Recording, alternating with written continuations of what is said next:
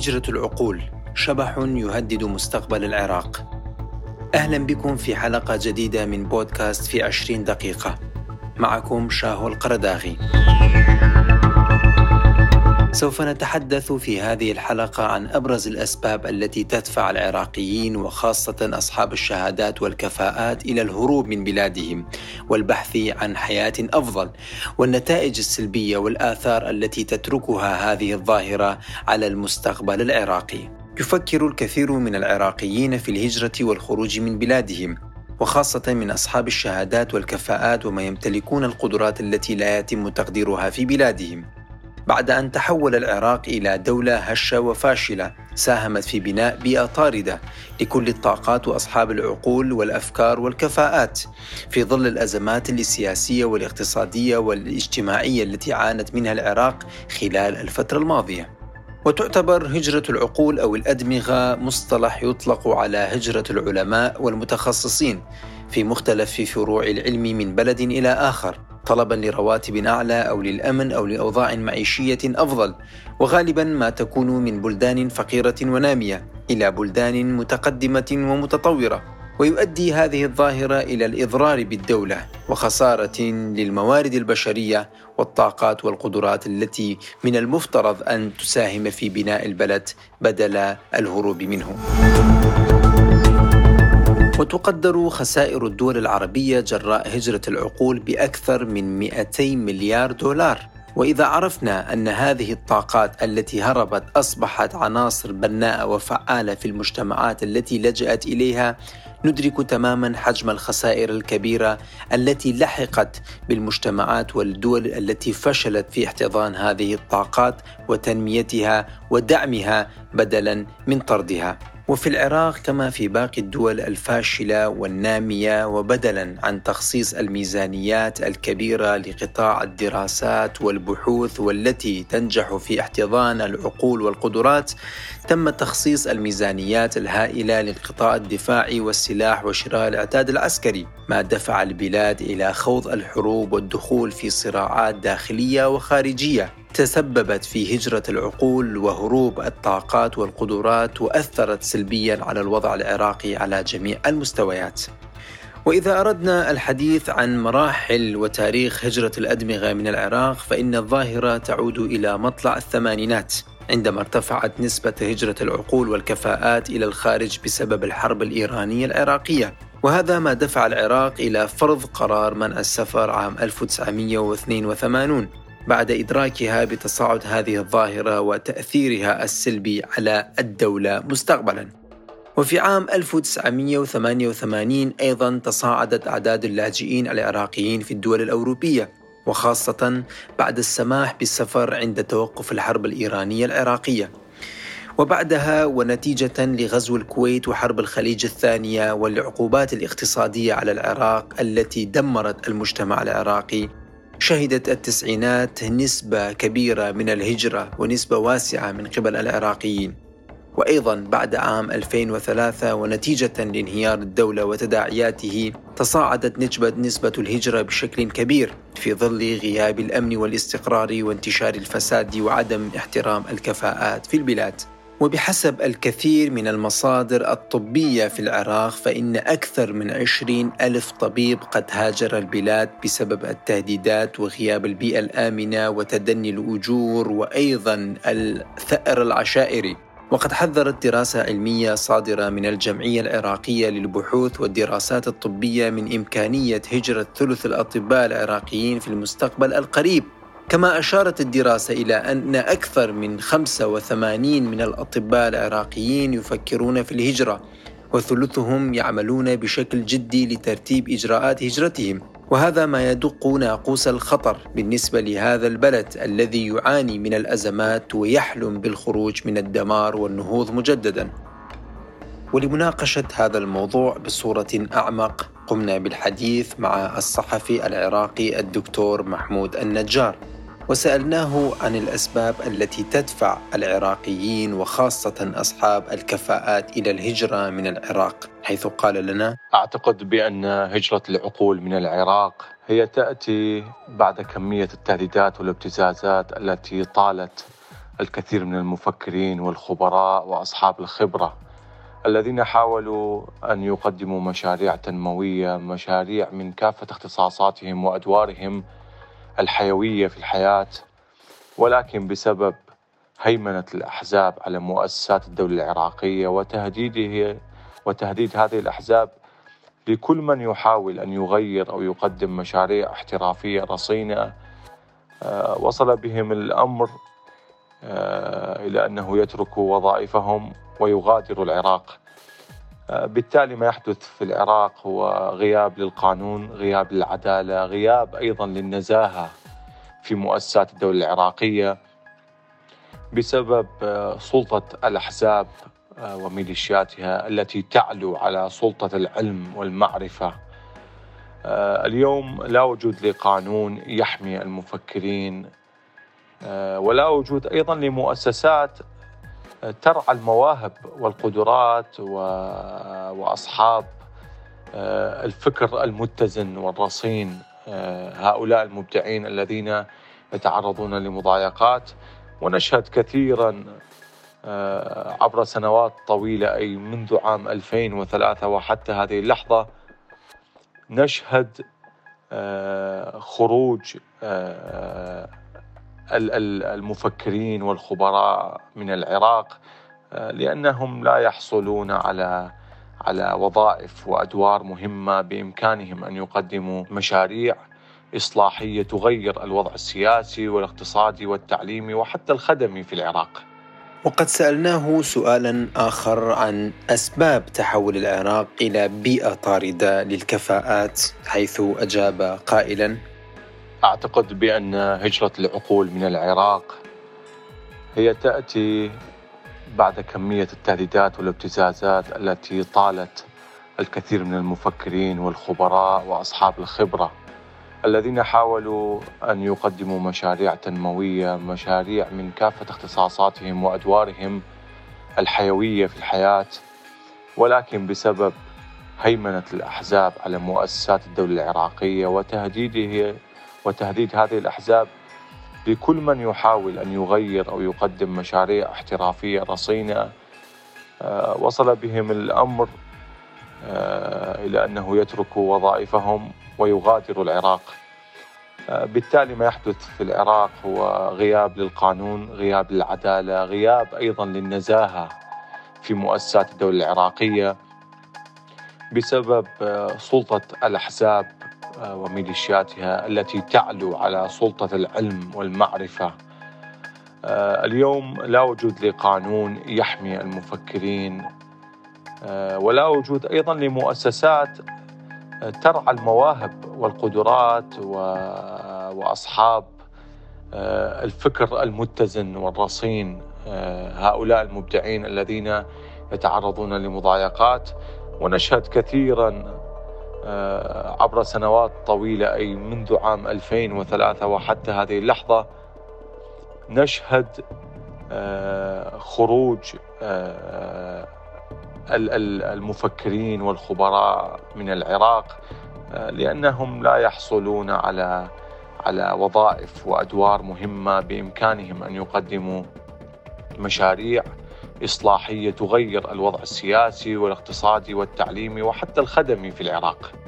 أما عن طرق معالجة هذا الأمر وتحويل العراق إلى بيئة آمنة مستقبلا فقد قال لنا آه، أعتقد آه، العراق تحول إلى بيئة آه، خطرة لأصحاب العقول والمفكرين والخبراء آه، وذلك آه، بعد كمية بعد كمية كبيرة من عمليات الاغتيال حالات الاختطاف الاعتقالات الدعاوى الكيدية بحق كل من يكشف عن ملفات الفساد ويحاول أن يغير آه، ما يستطيع تغييره وإنقاذه في في البلاد.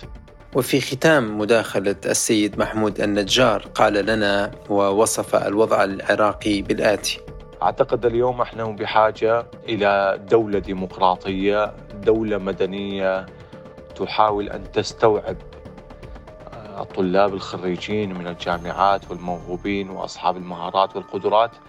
بالإضافة لذلك نحن أيضا بحاجة آه، إلى قوانين تحمي المفكرين والخبراء. وما عدا ذلك لا يمكن معالجة أزمة هجرة العقول من العراق. اليوم كل من يخرج من العراق يجد فرصة أفضل خارج البلاد.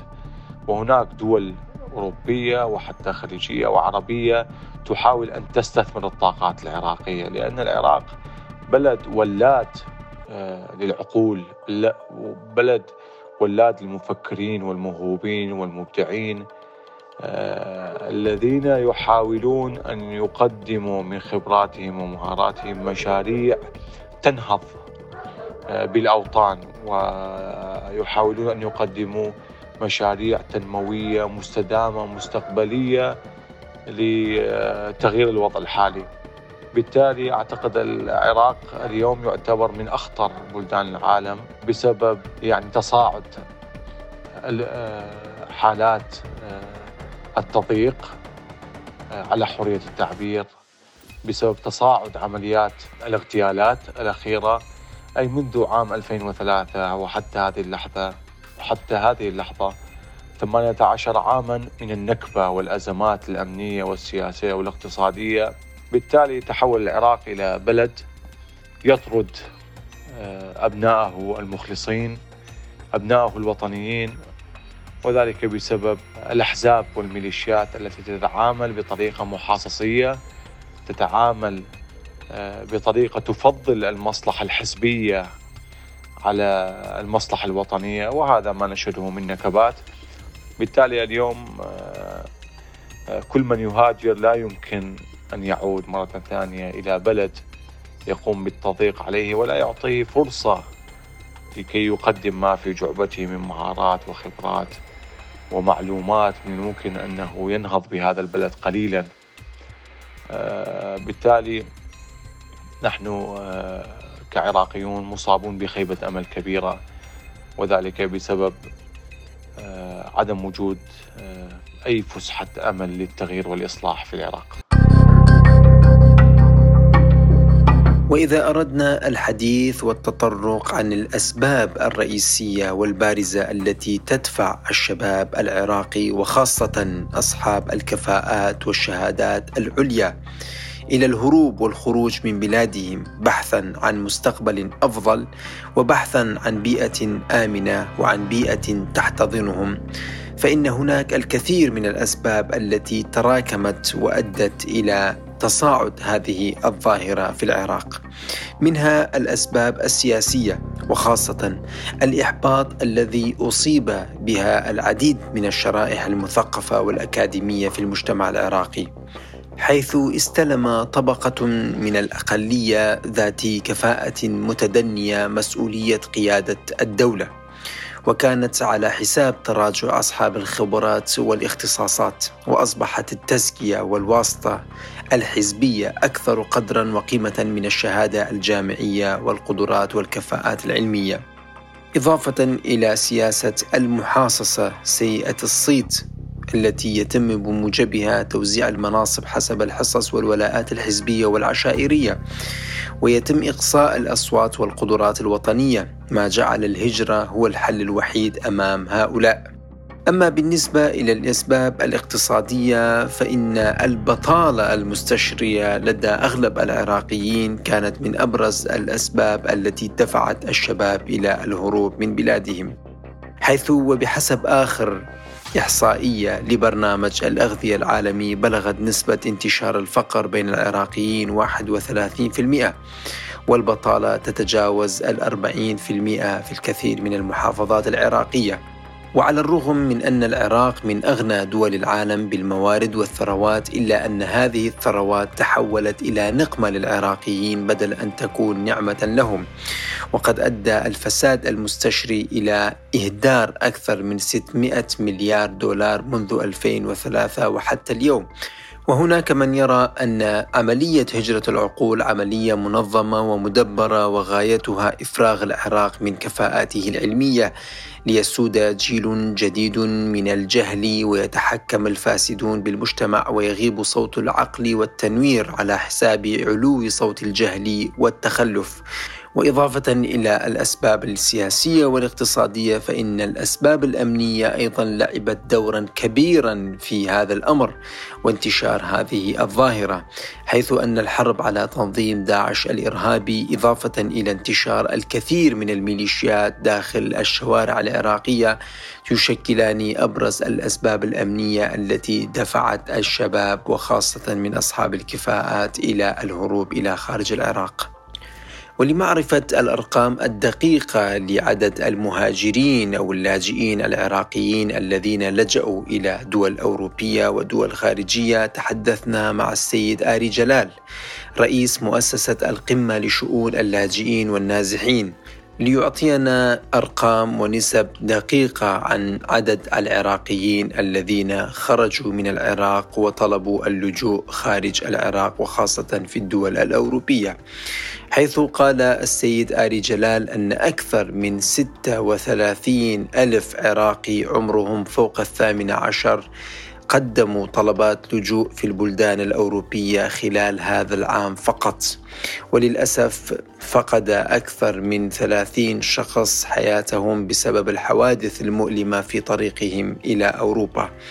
وما عدا هذه النسبة هناك الآلاف من المهاجرين العراقيين في تركيا والدول البلقان يعيشون بشكل مؤقت في انتظار الذهاب نحو بلدان أخرى في أوروبا.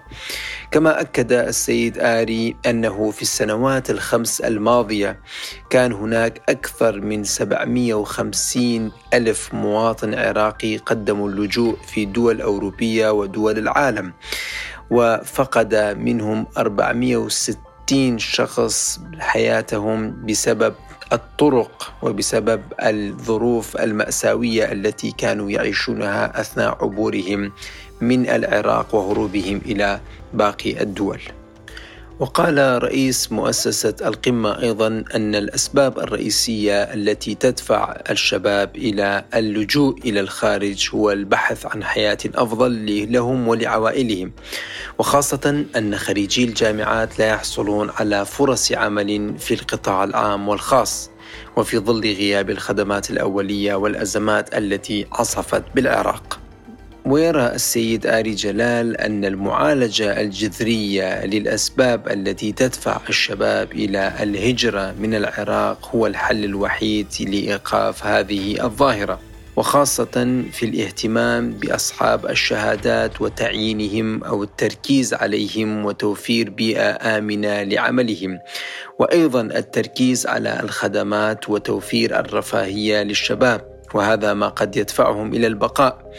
أما عن الآثار المترتبة على هجرة العقول من العراق فإن هناك الكثير من التداعيات والنتائج والآثار السلبية التي سوف تؤثر على الوضع العراقي بشكل مباشر أو غير مباشر. وسوف يكون له تداعيات غير إيجابية على الوضع العراقي. فمن ناحية التعليم فإن تراجع نسبة الكفاءات يؤدي إلى خسائر فادحة في أجهزة التعليم، لأن الكفاءات تمثل الطليعة وعماد عملية التعليم والدول التي تريد النهوض بحاجة إلى كوادر تدريسية كافية وكفؤه قادرة على بناء جيل قادر على النهوض مستقبلا. أما في مجال الصحة فإن هجرة الآلاف من الأطباء تسببت بتراجع العراق في المجال الصحي بسبب فقدانه لأغلب الكفاءات الطبية. والمؤسف أن 5% من أطباء العراق يتسربون سنويا إلى الدول المتقدمة حسب إحدى الدراسات. إضافة إلى ذلك فإن هناك الكثير من المجالات الأخرى التي سوف تتأثر سلبيا من هجرة العقول والأدمغة منها مجال العلم والتكنولوجيا. لأن هذا العصر هو عصر العلم والتكنولوجيا وهجرة أصحاب المعرفة والمهارة وخاصة الشباب يؤدي إلى بقاء العراق ضمن الدول المتخلفة في هذا المجال على مستوى العالم ويعرقل تقدم العراق نحو الدول المتطورة والاستفادة من التكنولوجيا الذي ساهمت بتسهيل الحياة وخاصة توفير الخدمات للكثير من المواطنين في الدول المتطورة. وهذا يعني بقاء العراق ضمن الدول النامية والدول الفاشلة. وقد طالبت الحكومات العراقية منذ 2008 وحتى اليوم بصورة مستمرة ومتكررة العقول العراقية المهاجرة والكفاءات المتخصصة بالعودة إلى العراق والمشاركة في عملية إعادة الإعمار والتنمية. ولكن هذه الدعوات لم تنجح في إقناع هذه العقول بالعودة إلى العراق والتخلي عن مكاسبها مقابل وعود وتعهدات قد لا تتحول إلى أفعال على أرض الواقع.